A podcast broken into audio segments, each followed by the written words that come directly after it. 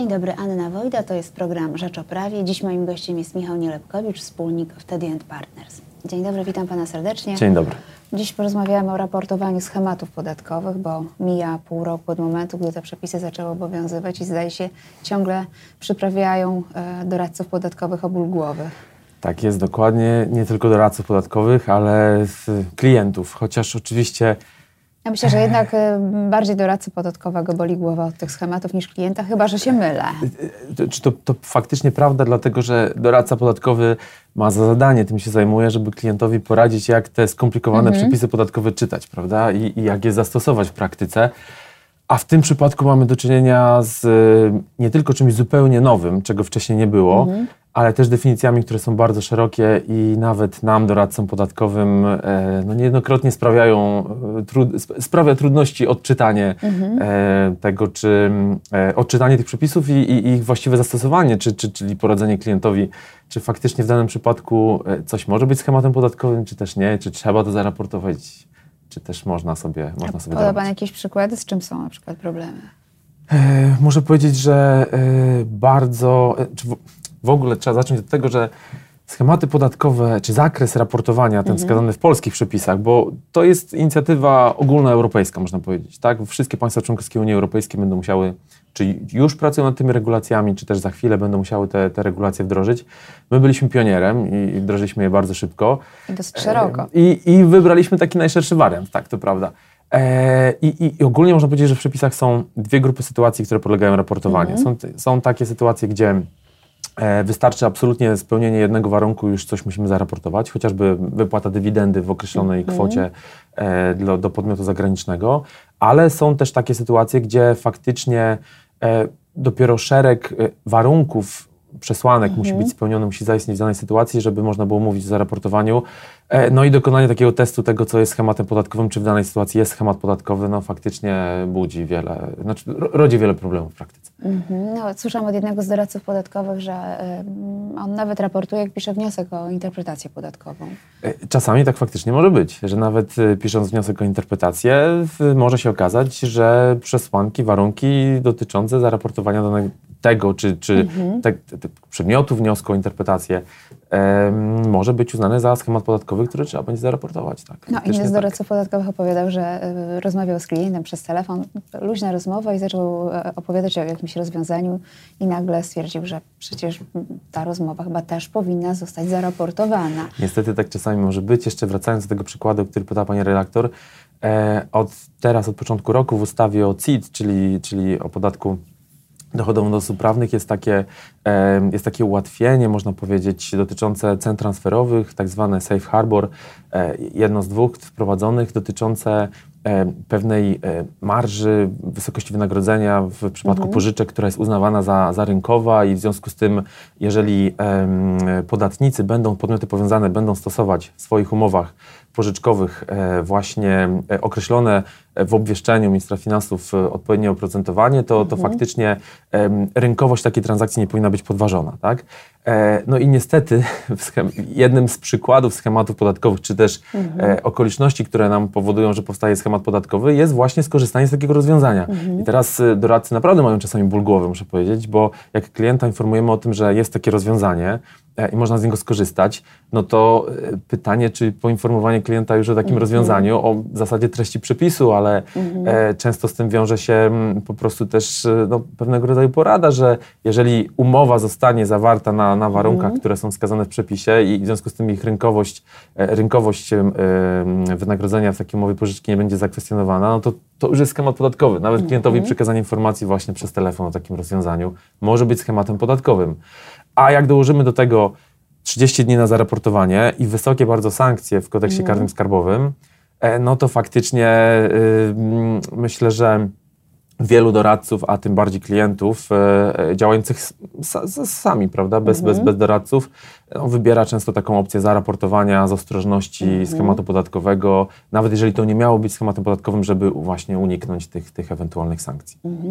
Wspomniał Pan na początku, że y, raportowanie schematów też właśnie jest, przyprawia ból głowy również klientów. To znaczy, że przychodzi klient, rozmawiacie, rozmawiacie Państwo i mówicie, że no, to będzie raport, to będzie schemat podatkowy i trzeba będzie to zaraportować i, i co na to klient? Widać przerażenie w jego oczach? Powiem tak, z perspektywy tego półrocza, które minęło, już większość, większość klientów no, uświadomiła sobie, że faktycznie jest coś takiego jak raportowanie mhm. schematów podatkowych. E, natomiast y, świadomość po stronie klientów zagranicznych jeszcze, muszę powiedzieć, jest, mhm. jest ograniczona. E, znaczy działamy... to mówią, to, to nie, to nie róbmy tego, tak? Jak to trzeba nie, nie, właśnie, czy, czy, czy, na, na, na szczęście może nie, na, w ogóle robią jakby wielkie oczy czasami, że mhm. ale zaraz, to coś trzeba będzie zaraportować, o co tu chodzi, czy to mhm. jest, y, z czym to się wiąże, prawda? Czy to oznacza, że zaraz y, zupełnie standardowa transakcja, absolutnie zgodna z przepisami, e, będzie podważona przez organ podatkowy, mhm. prawda? E, my akurat działamy dla większości klientów zagranicznych i E, chociaż też dla, dla tych największych w Polsce i, mhm. i muszę powiedzieć, że no faktycznie e, od półrocza, e, e, czy od pół roku, to, to w tym ostatnim półroczu, to faktycznie, faktycznie sporo czasu nam zajmuje, żeby klientom zagranicznym, szczególnie czy tym decydentom zagranicznym wytłumaczyć, że jest coś takiego już w Polsce jak raportowanie schematów mhm. podatkowych, e, no i że w większości przypadków oczywiście absolutnie no, nie powinno się to wiązać z żadnymi konsekwencjami negatywnymi dla nich, natomiast no, jest to pewne wyzwanie dla nas. Tak? To jeśli chodzi o klientów, ale też jest spora taka grupa sytuacji, gdzie klienci sami dokonują pewnych czynności, tak? Mhm. Mają swoich doradców podatkowych wewnętrznych, y, swoich, y, czy, czy, czy nawet księgowych, którzy rozliczają podatki. Mhm. I mają faktycznie czasami ból głowy z tym, że, że dopiero po rozmowie z nami uświadamiają sobie, ale zaraz, to mógł być schemat podatkowy, który trzeba było zaraportować, tak? Mm-hmm. No najgorzej jest w tych przypadkach, kiedy termin minął, tak? Bo to... A też zdarzają się, tak? E, zdarzają się, ale, ale mimo wszystko jeszcze, jeszcze w, mniej, w mniejszości, można powiedzieć, takie przypadki, że, że, że termin minął. E, dopiero co, o tym wspomniała Pani redaktor, E, minęło pół roku i e, zakresem raportowania objęte są schema, e, czy transakcje, czynności podejmowane przez podatników z tego roku, z 2019 roku, ale również z 2018. Mhm. E, I ten termin był do końca, czy do 1 lipca, tam gdzie brał udział promotor, natomiast cały czas jest jeszcze do 1 października, tam gdzie tego promotora nie było. Mhm. Czyli jeżeli klienci sami wdrażali pewne rozwiązania, bądź je opracowywali w zeszłym roku, no to one podlegają zaraportowaniu do 1 października i tutaj faktycznie e, no, ta świadomość dopiero, dopiero się cały czas rodzi, cały czas się kształtuje po stronie klientów, więc nie wszyscy jeszcze wiedzą, że, że takie zaraportowanie, że to, że objęte zakresem raportowania są nie tylko transakcje z 2019 roku, ale również również pewne czynności z zeszłego roku. A nawet jeśli minął termin, to da się jeszcze uratować jakąś sytuację, czy, czy to już się wiąże z konsekwencjami? E, da się uratować sytuację. E, no, my, myślę, że i mam nadzieję, e, o tym też gdzieś Ministerstwo Finansów wspominało, że Chociaż słyszeliśmy już, że, że, pierwsze jakieś postępowania karne skarbowe mhm. zostały wszczęte dotyczące właśnie niedochowania terminu na zaraportowanie. Natomiast mam nadzieję, że w tym pierwszym okresie, w tym naprawdę pierwszym roku mhm. obowiązywania tych przepisów, szczególnie biorąc pod uwagę to, że, że podlegają raportowaniu również czynności zeszłe, zeszłego roku, no Ministerstwo Finansów czy szeroko rozumiany aparat skarbowy będzie podchodził no tak ulgowo do, do podatników, tak? Mhm. Bo, bo, bo naprawdę Ministerstwo Finansów, tak jak, tak jak doskonale wiemy, wydało bardzo obszerne objaśnienia dotyczące stosowania tych schematów, czy tych przepisów dotyczących schematów, natomiast one nie dają odpowiedzi na absolutnie wszystkie pytania, mhm. też część pytań dopiero stawiają. Mhm. Wspomniał Pan, że dużo czasu zajmuje wyjaśnienie klientom, że coś jest schematem podatkowym, że trzeba to zaraportować, a jak dużo czasu y, zajmuje raportowanie? Bo zakładam, że część czasu doradca teraz musi przeznaczyć na rozmowy z klientem, żeby mu tak. wyjaśnić dodatkowe rzeczy, ale też pewnie sporą część czasu na samo raportowanie. Tak, raportowanie, można powiedzieć, że są plusy i minusy tego rozwiązania, jakie, jakie funkcjonuje. Na pewno plusem jest to, że jest dedykowana bramka na stronie mhm. Ministerstwa, Ministerstwa Finansów, można powiedzieć, że ten cały proces jest ujednolicony i, i, wygląda dla każdego podmiotu, czy to e, tak zwanego promotora, czyli doradcy, czy, czy tego korzystającego klienta, wygląda tak samo. Natomiast pól do wypełnienia jest bardzo dużo mhm. na, na, stronie e, Ministerstwa Finansów. Jeżeli chcemy już zaraportować, przystępujemy do zaraportowania schematu. Pól jest bardzo dużo. Ehm, no, trzeba powiem tak, trzeba kilka albo kilkanaście schematów zaraportować, żeby wiedzieć, jak się po tym poruszać. Mhm. Tych pól jest bardzo dużo i też pewne rozwiązania, też pod względem technicznym mogłoby to lepiej funkcjonować, bo szczególnie klienci, którzy e, już, już od, od, od, od, jakiegoś czasu e, stosują podpisy elektroniczne, takie bezpieczne, mhm. żeby różnego rodzaju dokumenty, właśnie takie urzędowe, podpisywać i składać je elektronicznie. E, sygnalizują nam problemy z raportowaniem schematów podpisanych właśnie za pomocą podpisów mhm. elektronicznych. E, na szczęście Ministerstwo Finansów umożliwiło podpisywanie ich również za pomocą platformy PUAP i to jest, i to jest dobre rozwiązanie ale muszę powiedzieć, że, że jak ktoś ma podpis elektroniczny i myśli, że bezproblemowo zaraportuje schemat, no to może się naprawdę zdziwić, może się mhm. okazać, że, że, dość często, krótko mówiąc, w praktyce występują takie komunikaty o błędach, że, że jest wadliwy podpis mhm. tak? I, i, trzeba, go, trzeba podpisać ten dokument inaczej, więc to no, faktycznie tych problemów technicznych jest sporo. Nie mówiąc już o takich rzeczach, jak raportowanie, gdzie właśnie o tym też podatnicy zapominają bardzo często, że to nie jest tak, że trzeba tylko raz zaraportować schemat podatkowy. Mhm. Schemat podatkowy trzeba zaraportować e, dwa razy. Najpierw raportujemy, gdzie informujemy o tym, że opracowaliśmy dane rozwiązanie albo je zaczęliśmy wdrażać. Mhm. Natomiast później jeszcze jest tak zwane raportowanie następcze, gdzie składamy taki formularz i, i, wypełniamy formularz, składamy, składamy raport, gdzie informujemy już o konkretnej kwocie korzyści podatkowej, którą osiągnęliśmy z tytułu tego schematu, który w pierwszej kolejności zaraportowaliśmy. Mhm. I taki e, formularz musi być podpisany po pierwsze przez wszystkich członków zarządu, co nie jest takie proste, żeby uzyskać podpisy wszystkich członków zarządu. No tak. I też przepisy nie regulują tego, czy potem tę techniczną czynność w postaci wysłania tego schematu muszą też wykonać kolegialnie wszyscy członkowie zarządu, czy może jeden, -hmm, prawda? -hmm. A jak jeden, to na jakiej podstawie, więc akurat tutaj przydałoby się, przydałoby się jakieś wyjaśnienie, e, jakieś objaśnienie, czy, czy mhm. aktualizacja tych objaśnień wydanych przez Ministerstwo Finansów, że, e, że faktycznie po, podpis mhm. tego, tego, tej informacji o tej wymiernej korzyści podatkowej musi być złożony przez wszystkich e, członków zarządu, ale już samo złożenie, czy ta techniczna czynność e, no, może być dokonana przez, przez jedną osobę i nawet nie musi być członek zarządu, może ktoś być wyznaczony w korporacji, w organizacji, która się tym zajmuje. Nie mówiąc jeszcze, przepraszam, dodam mhm. tylko, że to też warto, warto o tym powiedzieć, że raportowanie nie dotyczy tylko takich, powiedziałbym, zwykłych podatników, czyli jakichś podmiotów prywatnych, ale również dotyczy jednostek samorządu terytorialnego. I tutaj też jest szereg problemów takich e, w praktyce, gdzie no, prezydenci, wójtowie, burmistrzowie często mają szereg różnych zadań. Mhm. Jeżeli oni mają podpisać to i zaraportować, jeszcze spędzić czas nie krótki na, na, na wysłaniu tego, tego formularza, no to też faktycznie wydaje się, że szczególnie przy tym raportowaniu następczym, wydaje się, że można byłoby to, można byłoby to mhm. uprościć mhm. i, i, i przewidzieć w przepisach, czy wprost wskazać, że, że mogą to zdelegować na, na, na swoich zastępców chociażby, a nawet takiej, mhm. nawet takiej możliwości nie ma. A to widzę, że problemów jest sporo, ale y, interesuje mnie, o co pytają y, tak najczęściej, albo jakieś przykłady klienci, jak teraz przychodzą do doradcy podatkowego, bo wiem, że już nie pytają o optymalizację. To tak. jakie mają pytania? Jeśli chodzi o możliwości optymalizacyjne, to faktycznie, tak jak Pani redaktor słusznie zauważyła, na wyniku szeregu zmian w ostatnich latach mhm. one zostały dosyć mocno ograniczone. Takie optymalizacje oczywiście zgodne z prawem, prawda?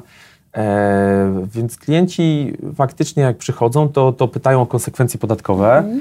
E, i, I tu na szczęście w kontekście schematów podatkowych Ministerstwo Finansów wyjaśnia, że pytanie o same konsekwencje podatkowe czyli przedstawianie klientowi konsekwencji podatkowych y, nie powinno być schematem podatkowym mhm. w tym znaczeniu, że, e, że, że my jako doradcy nie powinniśmy występować wtedy w tej tak zwanej roli promotora, bo rolą promotora jest dopiero zasugerowanie mhm. podjęcia pewnych działań już, już faktycznych, czyli dokonanie jakichś e, czynności, e, czy też zawarcie jakiejś umowy, mhm. czy skonstruowanie, podpowiedzenie, jak umowa powinna wyglądać, żeby była zgodna ze skutkami podatkowymi. To może być objęte zakresem raportowania.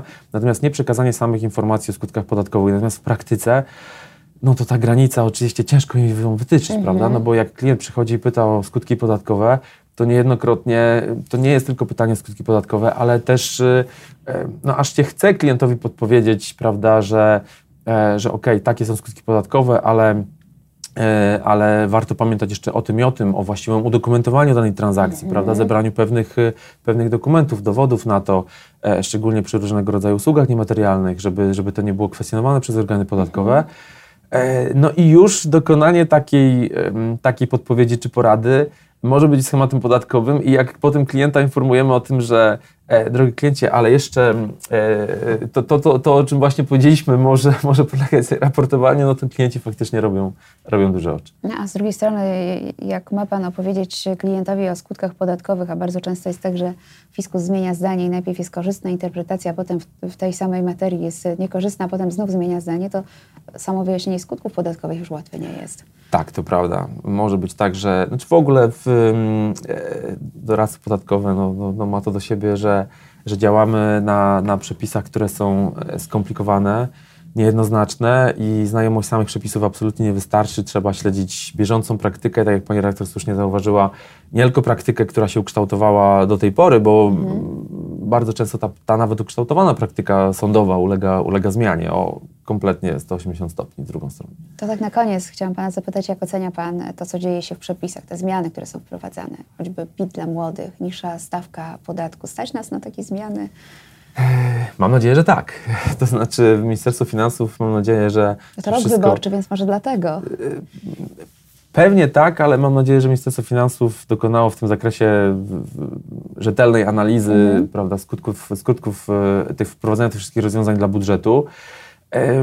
I, i to dobrze generalnie pewnie, że, pewne, że, że, że różnego rodzaju rozwiązania są wprowadzane, e, natomiast w praktyce to powoduje określone konsekwencje. E, wprowadzenie w trakcie roku, i to jeszcze nie od połowy roku, no tylko w trakcie roku pewnych rozwiązań. Teraz, dzisiaj, od dzisiaj mamy, mhm. prawda? E, ten, ten PIT zerowy dla, dla, dla osób do 26 roku życia. E, za chwilę będziemy mieć podwyższone koszty pracownicze, które też wejdą w, w trakcie roku od, od, od ostatniego kwartału. E, czyli od 1 października, podwyższone koszty pracownicze i niższa stawka podatkowa, prawda? Więc to wszystko no, spowoduje nie tylko, z jednej strony to jest dobre dla, dla tych beneficjentów, czyli, czyli samych podatników mhm. i adresatów tych rozwiązań, natomiast no, komplikuje no to rozliczenia. Komplikuje tak? rozliczenia i, i, i, pamiętajmy, że to dotyczy pracowników, więc e, w absolutnej większości przypadków e, to płatnik, czyli pracodawca będzie musiał mhm. się z tym zmierzyć, tak, organizacyjnie i administracyjnie. Czyli łatwego życia e, nie mają ani pracodawcy, ani doradcy podatkowi, ani w sumie podatnicy, gdyby chcieli sami te pity wypełniać. E, nie mają. Oczywiście jesteśmy tutaj do dyspozycji, przychodzimy z pomocą, natomiast e, faktycznie e, skala tych zmian podatkowych w ostatnich, czas, w ostatnich latach, szczególnie też teraz, te wszystkie rozwiązania, no jest bardzo istotna i, i tutaj faktycznie trzeba, trzeba siedzieć w tym wszystkim na bieżąco i śledzić te wszystkie zmiany na bieżąco. Ale dzięki temu, że jest tyle zmian, będziemy mieli o czym rozmawiać w programie. Serdecznie dziękuję dziś bardzo dziękuję. za rozmowę. Państwu również dziękuję. Moim gościem był Michał Nielepkowicz, wspólnik Wtedy Partners. Zapraszam na kolejny program Rzecz o Prawie już jutro o 13.